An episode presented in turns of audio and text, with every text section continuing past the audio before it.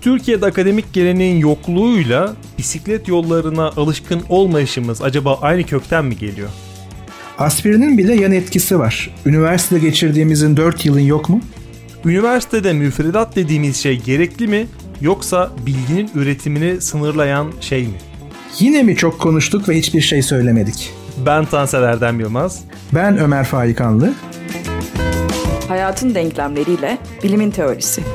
Gayri safi fikirler.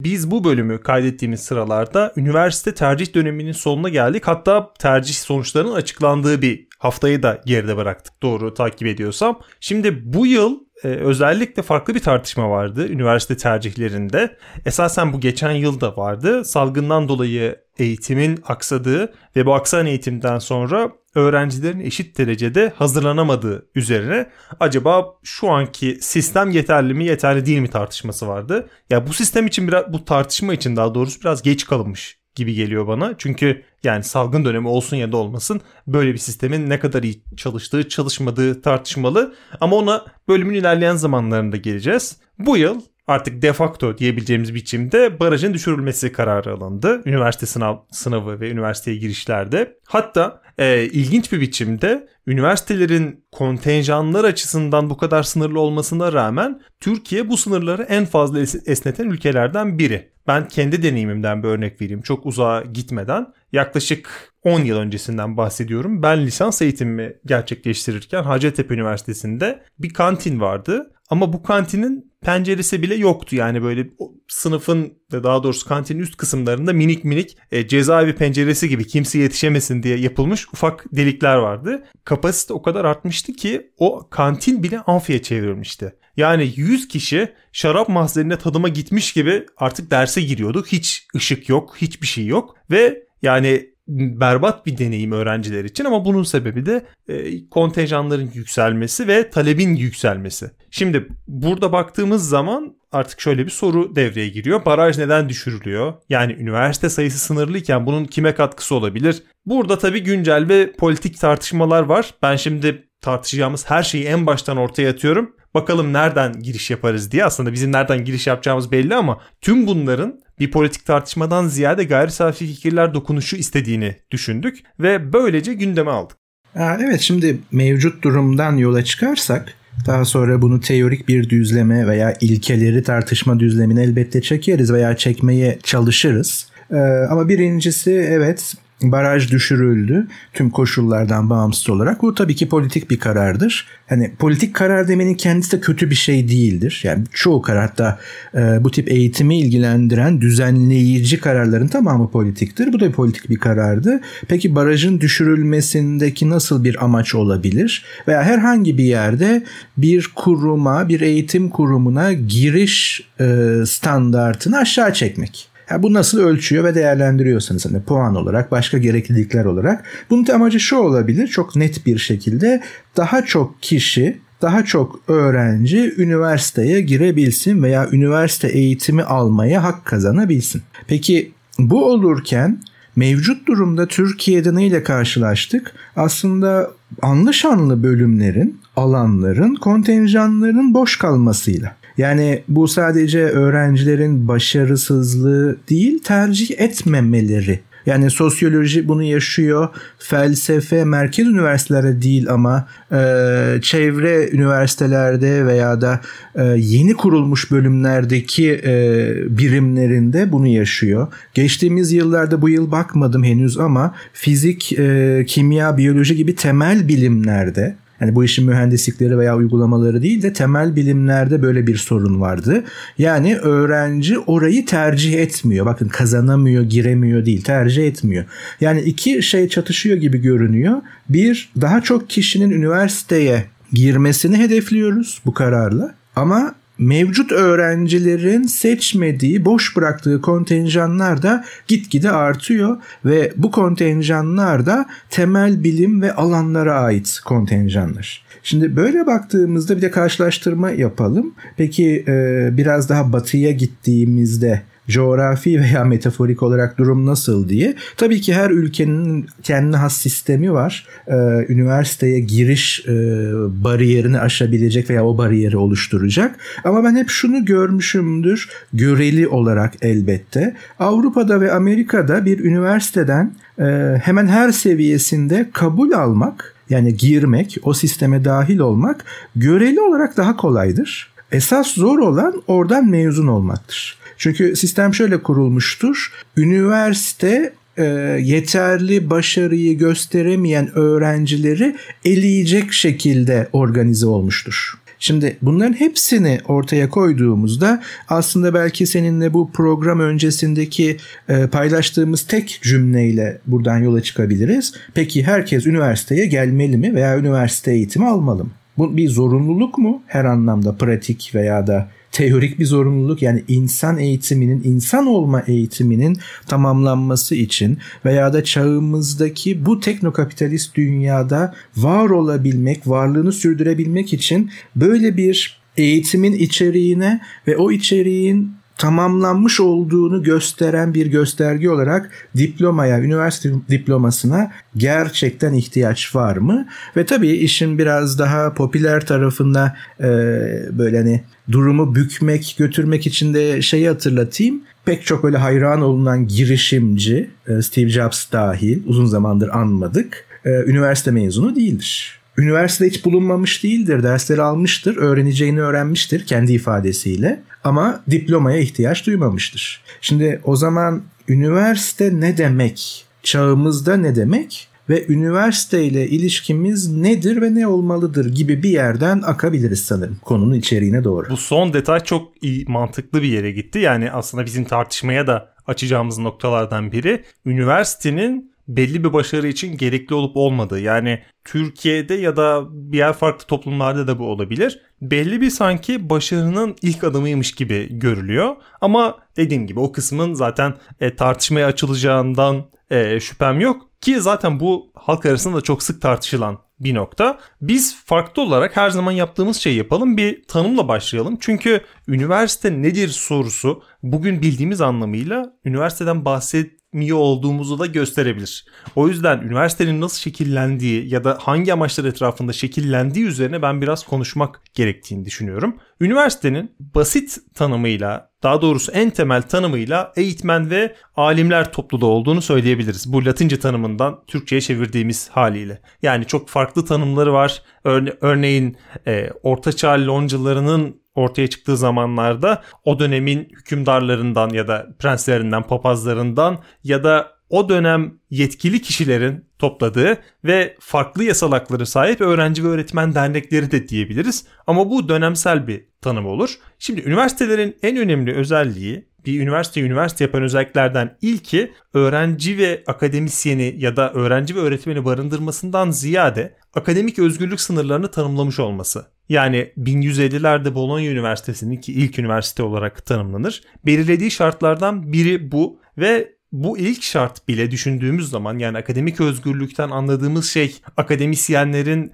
doğru bildikleri çalışmayı yapmaları ya da doğru sonucu buldukları çalışmaları yayınlarken çekinmemeleri bugün üniversitesi hakkında bize bir soru işareti oluşturuyor. Çünkü geçtiğimiz günlerde yurt dışında yazılmış bir Türkçe tezin Türkiye'de kabul almadığına dair bir haber gördük. Hatta bu bugünün gündemiyle ilgiliydi. Oradaki politik dalgalanmadan birazcık sebep olmuş gibi görünüyor ama akademik özgürlüğün burada ne kadar var olduğu ya da var olmadığı bence büyük bir tartışma konusu. Şimdi üniversitenin tarihine biraz daha geriye gidelim ama üniversitenin bu tarihinden e, geriye gidişlerle karşılaşacağımız şeyler tıpkı bu akademik özgürlük gibi bugüne de referanslarla bizi karşılayacak. Şimdi bugünkü anlamıyla üniversitenin ilk nüvesi Bolonya'dan ziyade 9. yüzyıla kadar gitmemiz gerekiyor. Salerno'da karşımıza çıkıyor. Bir tıp okulu olarak karşımıza çıkıyor. Ama tam bu noktada sana bir top atmak istiyorum.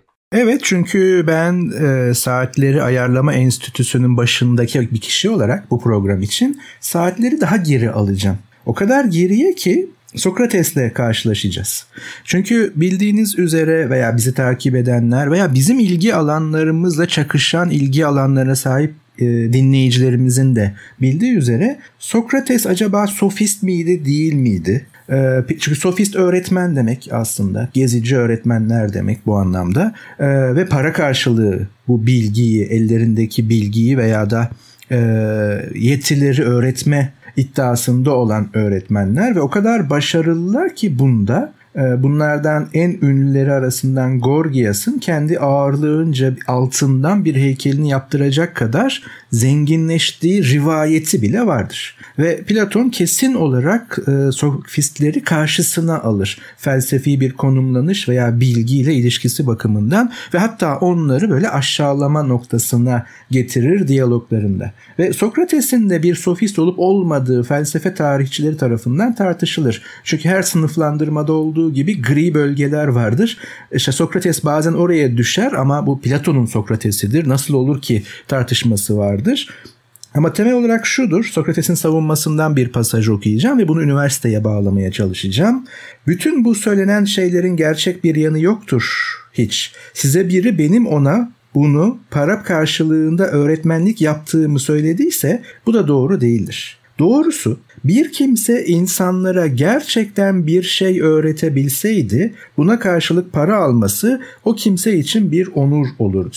Leontinio'li Gorgias gibi, Keoslu Prodikos gibi, Elisli Hippia gibi kent kent gezerek öğretmenlik yapan, gençleri kendi hemşerilerinden parasız eğitim alabileceklerken hemşerilerinden ayırarak kendilerine çekecek denli kandıran, öğrencileri için para almakla kalmayıp üstelik bu parayı lütfen aldıklarından ötürü gençlerin kendilerine teşekkür ettikleri kimseler var. Burada bile varmış böyle bir bilgin adam. Parosluymuş kendisi. Aramızda yaşıyormuş. Bir gün sofistler uğruna dünya kadar para döken Hipponikos'un oğlu Kalias'la karşılaşmıştım.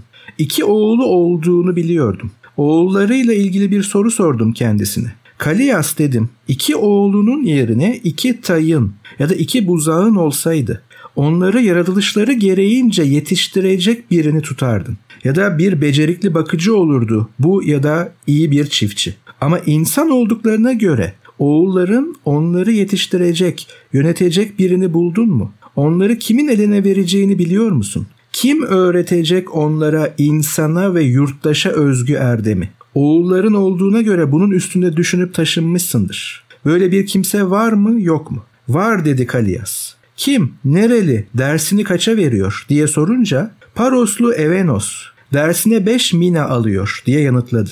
O zaman Evenos bu işten anlıyorsa bu bilgisini de bu kadar ucuza öğretiyorsa doğrusu mutlu adammış diye düşündüm. Öyle ya benim elimden de böyle bir iş gelseydi ben de gerçekten övünç ve sevinç duyardım. Ama açıkça söylüyorum Atinalılar benim elimden gelmez böyle işler. Bilmem ben bu işleri.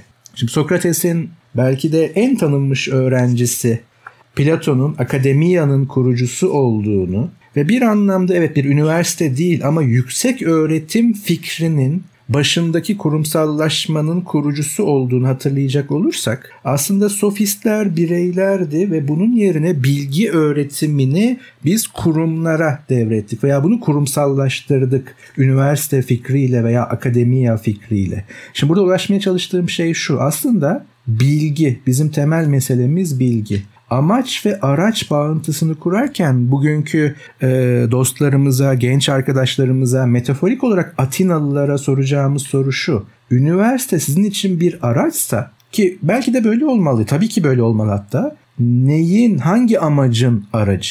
Şimdi pek çok mecrada belki bölümlerimizden bir kısmında da anlattığım bir anekdot vardır. Belki günümüzün bu pandemi koşullarında da anlamlı bir anekdot olabilir konuyla ilişkili olarak.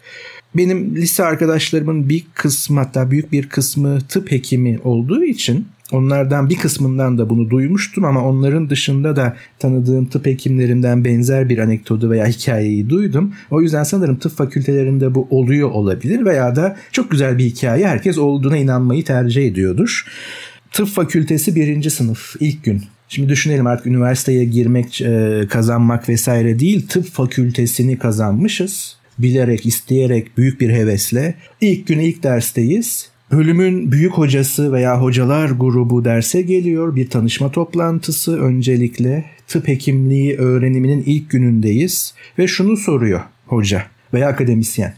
Arkadaşlar sizinle beraber 6 yıllık bir yolculuğa çıkıyoruz. Bu yolculuğu büyük bir kısmınız eminim ki tamamlayacak. Bir kısmınız o veya bu sebeple tamamlayamayacak. Ama bu tamamlayanlar içerisinde 6 yıl sonra en az biriniz veya da bir kısmınız bu fakülteden en kötü ortalamayla mezun olacaksınız. En başarısızları olacaksınız. En başarısız mezunlar olacaksınız. Bunun kaçarı yok. Hepiniz yüzle veya işte neyse o not onla mezun olmayacaksınız. Peki ben ilk günden size soruyorum. O en başarısızlara, o en kötü ortalamaya sahiplere biz ne diyeceğiz? Tabii ki herkes böyle bir kafasında sorular dolaşıyor, cevaplar dolaşıyor ya da ve kimse de kendine konduramıyor. Ya yani ben tıp fakültesini kazanacak kadar çalışkanım, zekiyim neyse işte o maharetler, yetiler. Ben olmam herhalde şimdi de topa girmeyeyim diyebilir. Cevaplar her ne olursa olsun tek bir cevap var. Ki hocanın sorduğu veya bu, cevap, bu sorunun da cevabı o. O en kötü ortalamaya sahip mezuna biz tıp hekimi, doktor diyeceğiz. Çünkü o en kötü ortalama eğer mezun olmaya yetiyorsa bir tıp hekimi olmanın asgari bilgi, beceri ve gerekliliklerine sahiptir demek. Şimdi bunu bütün üniversite bölüm ve alanlarına genelleyebiliriz. Buradaki araç üniversite eğer bir araçsa belirli bir seviyede bilgiyi kazanmak, yeterlilikleri ve yetileri kazanmak aracılığıyla veya aracılığını yapıyor. Şimdi o zaman üniversite zaten tanımına gömülü olan belki Sokrates'ten, belki sofistlerden, belki Platon'dan biri aslında bilgiyi üretmek, ürettiği bilgiyi toplumla veya da işte taliplerle, talebe oradan geliyor zaten. Buna talip olanlarla paylaşmak. Ama bu bizim alışıla geldiğimiz veya alıştığımız şekliyle son yüzyılda veya son yıllarda böyle hap bilgiler veya malumat seviyesindeki kalıplar değil. Çünkü üniversitede veya da böyle bir kurumsallıkta öğrenilen şey o bilgiyi üretmenin kendisinin yöntemleri, koşulları ve üretilen bilgi. Şimdi bunun da arkasında o zaman şu var. Araştırma geniş anlamıyla. Şimdi senin bahsettiğin bu özgürlük aslında üniversiteyi üniversite yapan araştırma özgürlüğüdür. Yani sana şunu söylemediği zaman üniversite üniversite olur. Sen o konulara çok girme. Oraya çok dokunma. Bu kavramları, bu kelimeleri kullanmayalım. Onun yerine şunları kullanalım. Yani örnekler çoğaltılabilir. Şimdi böyle olduğu zaman zaten üniversite tanımından bir şeyler kaybetmeye başlıyor. O zaman bilgi üretebilirliği şüphe altına giriyor. Eğer bilgi üretemiyorsa, bakın her zaman karıştırılan bir şey var. Bir akademi mensubu, bir üniversite mensubu olarak lisans, yüksek lisans, doktora eğitimi ve öğretimini üniversite almış ve şu anda o üniversite bu eğitimleri veren biri olarak üniversitedeki öğretim üyeleri öğretmenler değil. O bu onların yaptığı işin bir kısmı. Veya şöyle revize edeyim. Sadece öğretmenler değil. Üniversite bilgi üretir ve ürettiği bilgiyi paylaşır ve üretmenin yöntemini öğretmeye çalışır veya öğretir. Yani araştırmayı öğretmeye çalışır derken e, bunun yapılması da gerekiyor. O yüzden tabii ki tenzih ediyorum başka alanları veya da yöntemleri bilemem işlevselliklerini bunu hem eğitim felsefesi anlamında hem de e, oturmuş alışılagelmiş yöntemler anlamında ama bir müfredat yoktur. Yani e, felsefe birinci sınıf işte bu müfredat bütün Türkiye'de okutula, bütün Avrupa'da okutula diye bir şey olamaz. Üniversitenin özelliği buradan gelir. Ben ürettiğim bilgiyi kendi uzmanlık, alt uzmanlık alanında ürettiğim bilgiyi öğrenciyle paylaşmalı. Onunla birlikte geliştirebilmeliyim. Ondan gelecek geri dönüşlerle, sorularla, bazen de dışarıdan sorularla. Şimdi bütün bunlar bir araya geldiği zaman biz üniversite diyoruz veya demeliyiz. Ama yine soru kendini tekrar eder. Bunun için böyle bir kuruma hala ihtiyaç var mı? Çünkü e, hani bir anekdot daha e, aktarmaya çalışayım. Ondan sonra sen tam da günümüz üniversite kavramına gelmiştin. Sokrates'te onu bağlamış olalım. E, eski hocalarımızdan biri çok çok önceki dönemlerde bir yöneticiydi. Üniversite yönetici idari görev üstlenmişti. Katıldığı Avrupa'daki son toplantıda üniversitelerin üst düzey yöneticilerinin yani rektörler seviyesinde bir toplantıda bakın hikaye Avrupa'da geçiyor. Konuşulan şey şuydu veya şuymuş. Üniversitenin sürdürülebilirliği. Üniversite kurumunun sürdürülebilirliği. Bunu Avrupa üniversiteleri artık tartışmaya, konuşmaya başladı. Artık dediğimin üzerinden de 10-15 yıl geçti. Ki Batı için bu çok daha önemli bir tartışma. Çünkü Batı'nın kurumsallaşması içerisinde üniversite ikinci en köklü kurum. Birinci kilise olarak alabiliriz. Ama tam sen Bolonya'dan dedin hatta daha da geriye götürmek mümkün biraz kavramı zorlarsak. Yani en zorlanmış hali akademiyeye kadar gidiyor. Ama bence sınırları çok genişletiyor ama tabii ki yani böyle bir okuma da var. Ama biz Bolonya'yı bile baz alsak işte bin yıl hatta geçti. Peki ne oldu da 21. yüzyılda Batı üniversitenin sürdürülebilirliğini artık konuşmaya tartışmaya başladı. Yani kapatalım dükkanı anlamında değil ama demek ki bir problem var. Ve bu problem başta söylediğimiz veya hani konuyu açarken söylediğimiz gibi temelde kontenjanların boş kalması. Ya da bir başka örnek İngiltere'nin en köklü felsefe bölümlerinden birinin programı kapatıldı. Tırnak içerisinde müşterisi olmadığı için. Şimdi mesela öğrenci müşteri mi? Kimse buna hemen böyle bir kapitalizm falan demesin. Üniversitenin zaten başlangıcında bu var. Bu dediğin gibi alimler veya akademisyenler ve öğretmenler zümresi topluluğunun oluşturduğu bu topluluğun oluşmasının sebebi öğrencilerin bizzat ceplerinden para vererek bunu talep etmesi. Yani bana şu dersi ver veya bana şunu öğret. Aynı sofistlerde olduğu gibi. Platon'un sevmediği sofistlerde olduğu gibi. Bana bunu öğret diye para verdiler. Ki bakın Sokrates diyor ki eğer bilgi gerçekten bu şekilde öğretilebiliyorsa vereceğiniz her para eksik kalır, az kalır. Şimdi günümüzdeki tartışma ne? Eğitimin para, üniversite eğitiminin paralı olması, parasız olması, vakıf üniversiteleri, özel üniversiteler veya devlet üniversiteleri. Bunun tabii ki e, ekonomi politiği çok derin tartışmadır ve tartışılmalıdır. Ama neyi talep ediyoruz karşılığında? Yani bu kadar hani paramla rezil oluyorum durumunu hatırlayın. Bu kadar para veriyorum. Talebim ne? Ve aldığım ne?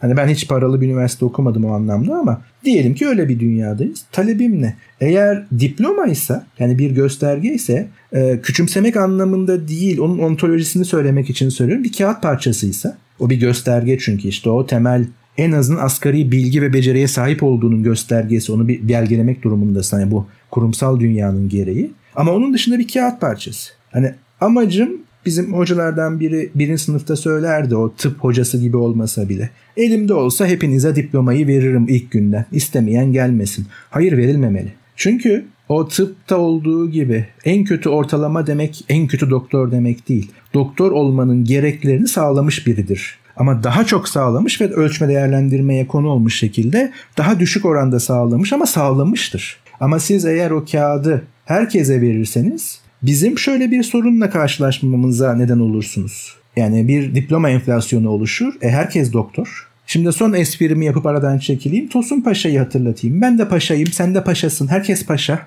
Hatırlayın o e, oradaki sahneyi. Herkesin doktor olduğu yer kimse doktor değildir. Çünkü seçilmemiştir içinde. Herkesin filozof olduğu yerde kimse filozof değildir. Herkesin mühendis olduğu yerde kimse mühendis değildir. Veya olabildiği yerde. Ama şimdi tekrar sorumuzu tekrar edip sen modern üniversiteden topu devral. Üniversitenin sürdürülebilirliği içerisinde bugün üniversiteye gitmeye ihtiyacımız var mı öğrenci olarak? Son bir şey söyleyeyim hep kapatıyor gibi söylüyorum ama son bir şey tabii ki lisans, yüksek lisans, doktora eğitimi almış bir şımarıklıkla konuşuyorum. Hani bunu lise öğrencisi olarak sormuyorum veya da herhangi bir eksiklikle veya da bir şekilde imkansızlıkla üniversiteye gidememiş birini kendimi onun yerine koyarak soramıyorum tabii ki. Ben bu eğitimleri almış birinin şımarıklığıyla soruyorum. Bu elbette ki şımarıkça bir soru. Çünkü okumak isteyen, bunu hedefleyen, üniversite halinde o kadar çok insan var ki hani bu onları kapsayan bir soru değil. Biz teorik seviyede biraz gayri safi fikirler dokunuşu yapıyoruz. Şimdi modern üniversiteden devam edelim. Herkesin paşa olduğu ya da herkesin tosun paşa olduğu yerde ya da herkesin doktor olduğu yerde kimsenin o titrelere sahip olmadığından bahsettin. Bunun bir benzeri de bir kitabın sayfasında her şeyin altını çizdiysen orada hiçbir şeyin altı çizilmemiş oluyor. Yani bu bu arada şu anda belki doktorluk seviyesinde yaşanmıyor. Çünkü tıp eğitiminin verildiği okul sayısıyla örneğin öğretmenlik eğitiminin verildiği okul sayısı çok farklı. Şu an mesela öğretmenler arasında bu yaşanıyor. Yani çok fazla öğretmen var ama sınırlı sayıda okul var. Öğretmenlerin bir kısmı şu soruyu soruyor. Ben atanamıyorum ama belli bir sayıda okul varken bu kadar fazla arzın olması o talebin karşılanamayacağını zaten getiriyor. Yani burada e, birbirini e, taşıyan bir mantıksızlıklar zinciri var. Şimdi ben biraz senin anlattıklarından geriye saracağım. Tabii burada hemen araya şöyle bir ayrımı koyalım. Hani e, biz de atlamamalıyız bunu ama ayrı taşlarlar büyük bir ihtimalle. Tabii ki şöyle bir farkında farkındayım veya farkındayız. Şimdi meslek kazandıran bir kurum olmakla bilgi ve araştırma yöntemlerini öğreten hani bu ne işe yarıyor ayrı bir konu ama bir meslek olmayan üniversiteye ayırmak lazım. Çünkü e, yani college dediğimiz üniversite batıdaki onlar üniversite ama meslek öğreten üniversiteler veya meslek kazandıran işte mühendislik, tıp hekimliği vesaire gibi. Ve e, bunun muadili aslında belki üniversitenin başlangıcında da var. Bu küçümsenecek bir şey de değil. Yani sonuçta demin dedim ya ben bu parayı işte Bolonya'ya niye veriyorum? Aslında meslek kazanıyor. Yani belli bir alandaki bilgi becerisini arttırıp onu meslekleştiriyor. Ama üniversite sadece buna indirgenemez. O zaman meslek yüksek okulu olur. Ki çok kıymetlidirler. Ama Üniversitenin bir parçasıdırlar. Üniversitenin kendisi değildirler. Peki üniversite ne işe yarıyor? Tabii ki yine şunu teslim edelim. Yani günümüzde kimseye bir meslek sahibi olmaya çalıştığı, hayatını idame ettirmek için bir şeyler, bir tür e, sosyal veya kültürel sermaye biriktirmeye çalıştığı veya kazanmaya çalıştığı için bu tukaka bir şey değil, kötü bir şey değil. Bu bilinçli veya bilinçsiz olabilir. Şartların zorlaması da olabilir. O zaman zaten yargılanamaz ama şartlar müsaitken bile ya ben para kazanmak için doktor oldum. Çünkü iyi para kazanan doktorlar olduğunu düşünüyorum veya düşünüyordum. Veya ben para kazanmak için mühendis oldum dediği zaman niye ayıplayalım ki? Bu işini kötü yapacağı anlamına gelmez çünkü. Veya işinde safsaklayacağı anlamına gelmez. Ama üniversite kavramı bununla tüketilemez olmalı. Bunu da altın çizmiş olalım. Belki bu noktada tıp okuyanların ya da mühendislik okuyanların sadece para kazanmak için bu işi yapmalarını ayıplamayız. Ancak burada bir de ters yönlü bir düşünce akışı var. Bu tip meslekleri yapanlar özellikle tıp mesleğini yapanlar hem bu maddi kısımlarda bir vurguda bulunuyorlar hem de bir kutsanma beklentisi olabiliyor. Yani maddi açıdan bu işe yaklanılıyorsa bir zahmet kutsanmayı dışarıda bırakalım diyebiliriz. Çünkü orada ben kutsal bir iş yapıyorum diyorsan e, güzel, çok güzel ama önünde sonunda bunu maddi bir kısma bağlıyorsan ben o kadar okudum, ben bu işi parası için yapıyorum dediğinde o iş artık ticaretten çok da farkı olmayan bir işe gelir. Belki işini iyi yapıyordur kişi ama e, orada belki etik tartışmalar daha doğrusu felsefi zemin üzerinde çok fazla tartışmamak gerekiyor. Bir de sen akademisyenlerin öğretmen olmadıklarından bahsetmiştin. Ama benim aklıma mesela üniversite düzeni içerisinde şöyle bir soru geliyor. Öğretmen değiller bir kısmı bu eğitimi vermek işlerinin. Hatta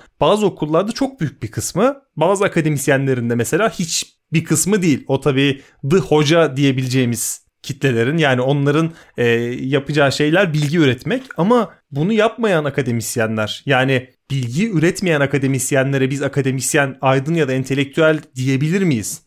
Diyebiliyoruz çünkü üniversite bürokrasisi oradaki e, nasıl diyeyim elenmeyi biraz engelliyor gibi geliyor bana. Yani iyi çalışanla vasat arasındaki bu kaynaşma üniversite koridorlarındaki o vasatın da ömür boyunca o sistem içerisinde çalışmasını sağlıyor. Tıpkı tıp öğrenciler arasında en düşük puan alan kişinin de tıp doktor olarak mezun olması gibi. Bunun ben şu an kitlesel eğitimle ya da kitlesel çalışmalarla bağlantısı olduğunu düşünüyorum. Yani milyonlarca kişinin eğitim aldığı bir yerde en düşük not alan kişinin yetkinliğini sorgulamak mümkün değil. Ama örneğin işte 1500-2000 yıl öncesinden bahsettiğimiz zaman e, antik Yunan'da 20 kişinin eğitim aldığı yerde herkesin teker teker yetkinliği sorgulanabilirdi. O yüzden kitlesel eğitimin bir defosu ama bunun önüne geçemeyiz. Geçebileceğimizi de sanmıyorum.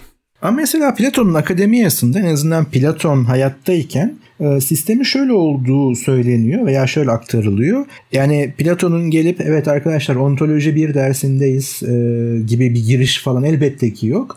Aslında tam da o Sokratik diyaloglarda olduğu gibi problemleri hep beraber çözme girişimi. Yani oradaki öğrenciler ellerinde kağıt kalem işte o zamanki duruma göre not alıp sonra bundan sınava giren falan değil. Bugün biz hep beraber bir problem çözmeye çalışıyoruz. Felsefi bir problem akademiye özelinde. Bu matematiksel problemler de olabiliyor tabii dönemin felsefe kavrayışı içerisinde. Ee, ama şöyle düşünelim belki buraya da e, odaklayabiliriz. Ya aslında bilgi dediğimiz şey veya üniversite dediğimiz şey problem çözebilme yeterliliği kazandırmak. Bütün problemleri değil işte alanlar bunun için var ama hayatınızdaki problemleri çözebiliyor musunuz? Ve bilgi için şunu söyleyebilirim. Ee, yani hayat kalitenizi arttırıyor mu? okuduğunuz kitap, aldığınız ders, gittiğiniz bölüm yani hepsini katabilirim. Hayat kalitenizi arttırıyor mu? Yani üniversitenin amacı bu. Çok temel bir yer hani indirgemem gerekirse. Hayat kalitenizi arttırmıyorsa bir problem var demektir. Ama bu problem illaki kurumda olacak diye bir zorunluluk da yok. İğne çuvaldız ilişkisinde hangisini tercih ederseniz. Ben kendim için de öğrencilerime de hatta dostlarıma da e, şunu hep tavsiye yani şunu söylerim ve tavsiye ederim. Üniversitenin herhangi bir seviyesinde lisans, yüksek lisans, doktora girdiğiniz gibi çıkıyorsanız hiçbir şey değişmediyse bir problem var demektir. Bu kurumda da olabilir. Yeterli de olmamış. Yani dediğin gibi the hocalar yani güzel espri sevdim bunu. Ya da belki sende bir problem vardı. Şimdi bunun üzerine düşünmek bile eğer bunu düşündürtüyorsa bir başarı kazanır. Düşündürttüysek gayri safi fikirler bir başarı kazanmış olur. Ama girdiğin gibi çıkıyorsan buna kendimiz de katabiliriz. Yani işte 110. program ki ben 110 olduğumuzu düşünmüyorum. Bir arada kaçırdığımız programlar var. Daha çok olabiliriz veya da abart yani saymakta hata yaptığımız olabilir ama ne mutlu bize bu kadar program yapabildik. Uzun süredir dinleyenler veya bir program dinleyenler işte yaklaşık 40 dakika veya en uzun herhalde bir saatte hiçbir şey değişmeden hayatlarına devam ediyorlarsa bu büyük değişimlerden bahsetmiyorum. Ya bir şey yanlış yaptık demektir. Hani amacımız öyle çok büyük değişiklikler yapmak veya böyle misyon elbette değil. Ama en azından bir şey düşündürdüysek bu bir değişimdir. Bu soru aklıma gelmedi dedirttiysek bu bir değişimdir. Ya bir saat içerisinde şu hayat gailesinden ayırdım kendimi ve normalde düşünmeyeceğim bir şeyi düşündürttüler ama verdikleri cevaplara katılmıyorum dediyseniz bu bir değişimdir. Şimdi bunu üniversiteye projekte edin. Minimum 4 yani 2 yıllıklar tabii ki oradan da alabiliriz. Minimum 2 yıldan bahsediyoruz. Maksimum 6 yıldan bahsediyoruz lisans seviyesinde. Buna master doktorayı uzatmalarıyla koyarsak e, orta çağ öncesi için bir ömür. Bir ömür harcıyoruz. Hiçbir şey değişmiyor öyle mi? Yani girdiğim zaman doğruları biliyordum. Çıktığım zaman bunları tasdik ettim. Bu işte problem orada başlıyor. Ve problem çözmek dedik ya aslında bunu yani mesleki olarak da şu kadar metrekarelik şu jeolojik özelliklere sahip bir araziye ben şu özelliklerde bir bina yapmalıyım. Al sana problem. İnşaat mühendisliği, mimarlık, oraya jeofizik hepsini kat. Mesleki problemleri. Ya da ben öyle bir uçak tasarlamalı, yani uçan nesne tasarlamalıyım ki şöyle şöyle olsun. Al havacılık uzay mühendisliği problemi. Yani bütün alanlara bu genellenebilir. Mesleki problemler veya alan problemleri. Ama hayatımdaki problemleri düşün. Basitinden en böyle komplikesine kadar. Üniversite eğitimi bunların çözümüne veya çözüm yolunda sana bir şey katmadıysa bir problem var demektir. Üniversite problem çözebilme, yeterliliği kazandırma iddiasındadır. Kendisi için de öğrencileri için de. Zaten bu ikisini ayırmak da çok doğru değil. Üniversite evet kuruluşu itibariyle ve belki ana omurgası itibariyle çünkü ne dedik? Bilgi üretmek ve ürettiğini paylaşmak veya yaymak dedik. O üretme kısmında yükü büyük oranda yüklenen akademisyenler, akademikler, öğretim üyeleri, öğretim elemanları bir sürü e, sınıflandırması var. Evet bunu yapıyor ama öğrenci bunun paydaşı. Yani ah şu öğrenciler olmasa marif ne kadar kolay yönetilir der gibi. Öğrenciler olmayınca üniversite üniversite olmaktan çok şey kaybeder. Ama üniversite öğrencilere öğretme ne diyeyim mekanı da değil sadece. Aslında belki akademiyedeki ruhu yakalamak. Biz beraber bir problemi çözmeye çalışıyoruz. Bu mesleki problemler de olabilir. Alan problemleri de olabilir. Şimdi bu problemin problem olduğunu kavrayabilmen için sana önce alanı anlatmalıyım kısmı işte o ders dediğimiz şey. Yoksa önemli olan o problemi kavradıktan sonra ne yaptığımız, nasıl yol aldığımız. Ha burada ikinci bir şey daha devreye girer kendi alanımla ilgili. İlk çözmeye çalışan bizler değiliz. Bakın daha önce böyle çözüm denemeleri oldu. Şimdi bunları da bilelim ki onların düştüğü hatalara düşmeyelim ya da kendi çözüm denememizi biricik sanmayalım. Yani benim başıma geldi belirli konularda bu hani bir şey yok kendimi övmek anlamında değil. Bütün felsefecilerin lisans eğitimi almış bütün felsefecilerin başına gelir. Bir problem hakkında çok küçük bir düşünce kırıntısı ürettiğim zaman çok heve şey yapmıştım. Tabii bu buna böyle bakmak lazım diye gidip sonra Kant'ı öğrenince örneğin. E Kant bunu zaten teorikleş, teorileştirmiş. Benden çok önce ve çok daha başarılı tabii ki. Ama şimdi ben Kant'ı hiç bilmeden ya aslında e, zihnimizdeki kavramları biz dış dünyaya bir giysi gibi giydiriyoruz. Aslında biz böyle biliyoruz diye ortaya çıksam meslekten felsefeciler yani mesleği geniş anlamda kullanıyorum. Yani ben alay eder, haklı olarak alay ederler. İşte bu duruma düşmemek için bakın sizden önce bu problemler böyle çözülmeye çalışıldı veya çözüldü. Ama şimdi biz 21. yüzyıl koşullarında bunu nasıl ele alabiliriz sorusuna bağlama kısmıdır oradaki dersler. Ama sizin o problemle artık ondan sonra ilişkiniz sizin üniversite eğitiminde kendi alanım için özellikle ne kazandığınızı ve bundan sonra ne yapabileceğinizi belirler. Eminim ki bunu hemen hemen bütün alanlara da uyarlayabiliriz. Bizim 110 bölümümüz oldu. Bunu söyleyeyim çünkü ben her bölümü yayınlamadan önce birkaç kez kontrol ediyorum ve 110 bölüm olmuşuz. Aralarda bizim çift bölüm yaptığımız oldu. Bir buçuk saat konuştuğumuz için biz bunu iki bölüm olarak yayınlayalım dediğimiz oldu. O yüzden ben de arada düşünüyorum acaba bu kadar bölümü olmuş mu diye ama olmuşuz. Ve şunu gördüm. Üniversiteler insanlara ya da öğrencilerine ilk günden son güne kadar bir şeyler katabilmiş mi bilmiyorum ama gayri safi fikirler olarak kattığımızı ben yorumlardan anlıyorum. Gelen mesajlardan. Örneğin yemek yaparken bizi düzenli olarak dinleyen evli çiftler var. Bize paylaşımlarını yapıp yolluyorlar. Mail olarak ulaşanlar olmuştu. Bu alana yönelmek isteyenler ya ben sizi dinledim ama kaynak ne okuyabilirim diyenler bu alanda çok fazla bize gelen çok mesaj olmuştu. O yüzden keyifle bunu söyleyebiliyorum. Bu biraz da dinleyenlerin bizi yönlendirmesiyle olmuştu. Şimdi bu noktadan sonra ben üniversitelere dair kısa bir malumat vereceğim ve bu bölümü sonlandıracağım çünkü neredeyse 40 dakikaya yaklaştık. Bir süremize yaklaştık. Birazcık o senin anlattığın kısımlarla kesiştirerek üniversite tarihine dair kısa bir malumatta bahsedeceğim. Şimdi 9. yüzyıl İtalya Salerno'da ilk üniversite tıp okulu olarak ortaya çıkıyor. Daha doğrusu onun temel olduğu düşünülüyor. 11. yüzyılda meşhur Bologna, 1150'de Paris, 11. yüzyılın sonunda Oxford çağdaş üniversiteleri oluşturuyor. Şimdi burada bir bin yıldan bahsediyoruz ve bin yıllık bir gelenek Türkiye Cumhuriyeti'nde de yaklaşık 100 yıllık 110 yıllık bir gelenekten bahsediyoruz. Bu gelenek farkının üniversite kavrayışımızda büyük bir fark ayrım yarattığını düşünüyorum. Tıpkı bu senin bahsettiğin gibi yani öğrenci giriyor. Öğrenci girdikten sonra aynı kişi olarak çıkıyor. Burada akademiyi suçluyor. Çünkü geleneksel olarak orası tam olarak bizde oturmamış. Yani e, tıpkı şu an bizim avcı toplayıcı atalarımızdan gelen bazı reflekslerimiz var. Onları taşıyor olmamız gibi bin yıllık üniversite geleneğinden de hem geleneğin devam ettiricileri hem de öğrenciler farklı şeyler kazanmış oluyor batıda. Örneğin benim yurt dışında yaşadığım dönemde akademisyenlerin büyük bir kısmı işleri olmadığı zaman örneğin bölümde olmuyorlardı. Ama onların bölümde olmamaları bir bürokratik tartışma ya da gerilim yaratma üzerine değildi. Yani kimse birbirine tepki olarak bu tip şeyleri yapmıyordu. Yani şöyle bir geleneği vardı benim çalıştığım profesörün. İşi olmadığı sürece evdeki ofisinde çalışıyordu. Arayanlar onu orada buluyordu. Dersi olmadığı sürece de gelmiyordu okula. Şimdi bu şunu anlatıyor benim için. Türkiye'de akademisyenin 8-5 masasında oturuyor olması bürokratif reflekslerle çok kıymetli görülüyor. Yani yaptığı işten ziyade orada o kişinin orada bulunması memuriyetini sürdürüyor olduğunu gösteriyor. Çünkü halen akademisyen bir memur olarak görülüyor. Bu birazcık özel üniversitelerde aşıldı ama yine gelenek tam oturmadığı için sakil duruyor. Mesela gelenekleşmeyen şey zorla yapılsa bile garipseniyor. Bu şu an metrolarda bisiklet teşviki var. Her yerde bisiklet tutacağı var. Bisiklet yolları yapıldı ama yani bu gelenekleşmediği için o bisiklet yollarında şu an mangal yapılıyor. Ya da sanki metroya bisikletle binen kişi havalı görünmek için biniyormuş gibi görülüyor. Yani bir şeylerin gelenekleşmesi belki bir 100 yılı bulacak, 200 yılı bulacak. Ancak şu an üniversite geleneğinin oturmamış olması böyle bir problem yaşatıyor. Üniversiteler başladıktan bir 700 yıl sonra bir çekirdek anlatım, bir müfredat oluşuyor. Şimdi bu müfredata da geleceğim. 18. yüzyılın sonunda 7 liberal sanat dalında eğitim sunulmaya başlanıyor. Gramer, mantık, retorik, geometri, aritmetik, astronomi ve müzik. Şimdi burada müfredat dediğim zaman bildiğimiz müfredat gibi düşünmemek lazım. Sen bahsetmiştin ya her okulda aynı şey okunacak. Ama ben şöyle bir düşündüm.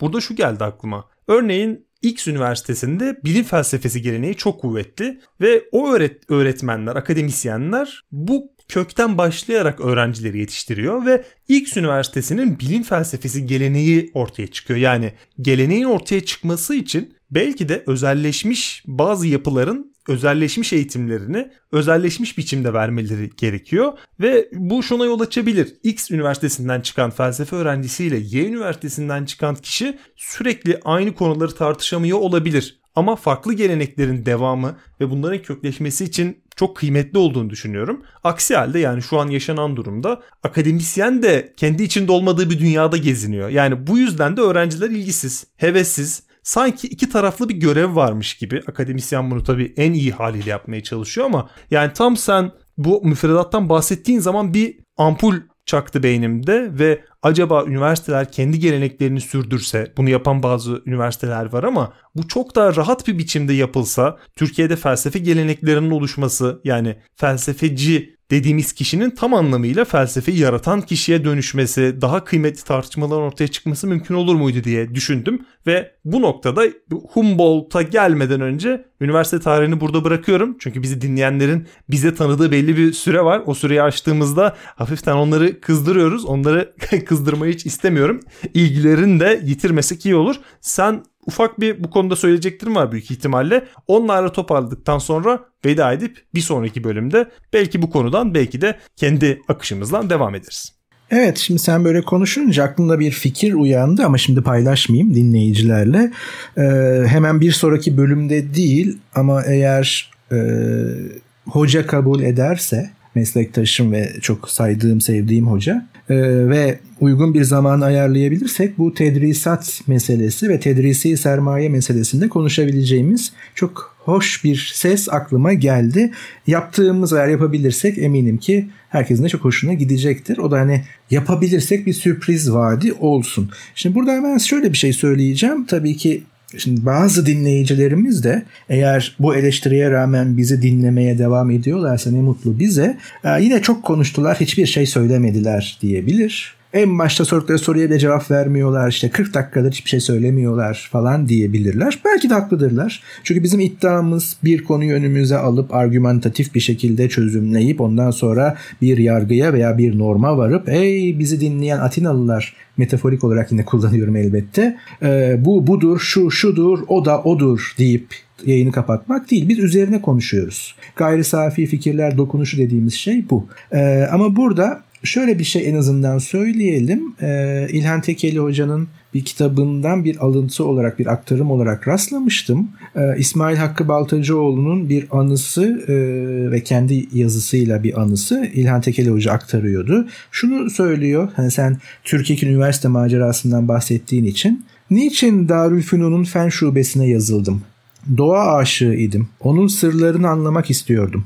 Günlük hayattan uzak yaşıyordum. İlim ilim içindir diyordum. Asıl büyük albenisi şuydu. Darülfünun'da hürriyet var diyorlardı. Bu hürriyeti çok seviyordum. Bu hürriyeti bana ne ailem ne okullarım ne de siyasi toplum vermişti. Arkadaşlarımın sözlerine inanıyordum. Darülfünun hayatım gerçekten bir hürriyet ve kişilik hayatı oldu. Bu kurumda ceza ve ödül yoktu. Müderrisler öğrencilerine arkadaş muamelesi yapıyorlardı. Her yerde bir ilim havası solunuyordu. Her yerde bir ilim havası solunuyor, herkes ilim aşkıyla yanıyordu. Mahalle mektebi bize usluluğu öğretmek için çalışmıştı. İdadi bizden efendi idealini temsil etmemizi istemişti. Darülfünun bilimi her sosyal değerden üstün tutmamızı istiyordu. İşte bir kurumun dönüştürücülüğü veya en azından dönüştürücülük vaadi aslında bu. Bir kişilik problemi, bir şahsiyet problemi. İşte o dönüşmekten bahsettim ya ve bu bir kalıba girmek falan da değil.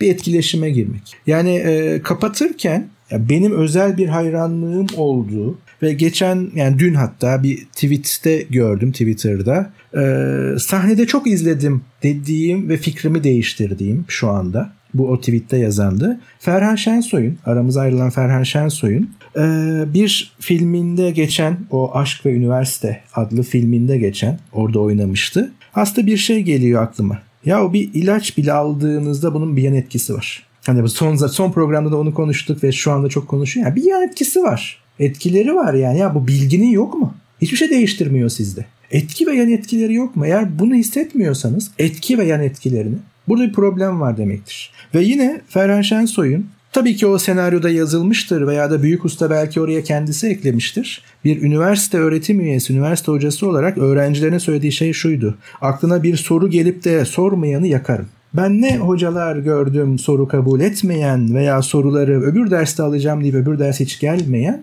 Aslında işte üniversite biraz böyle olmalı. Aklına bir soru gelip de sormayanı yakarım.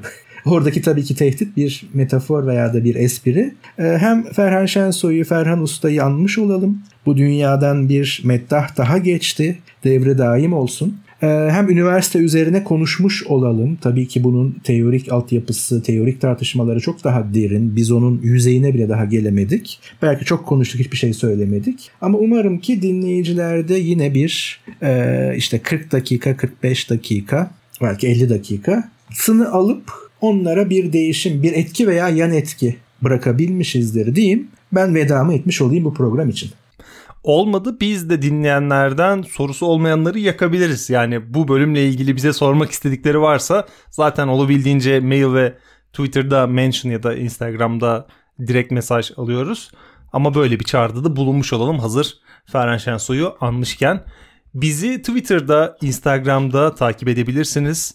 Ekşi Sözlük'te gayri safi fikirler başlığına yazabilirsiniz, eleştirebilirsiniz. Ayrıca Apple Store'da da eleştirilerinizi ve puanlamalarınızı bekliyoruz. Bize gayri safi fikirlere gmail.com üzerinden ulaşabilirsiniz. Bir sonraki bölümde tekrar görüşmek üzere. Hayatın denklemleriyle bilimin teorisi. Gayri safi fikirler. Bu bir podcast dahadır. Mediapod. İletişim için mediapod.com ya da @mediapod.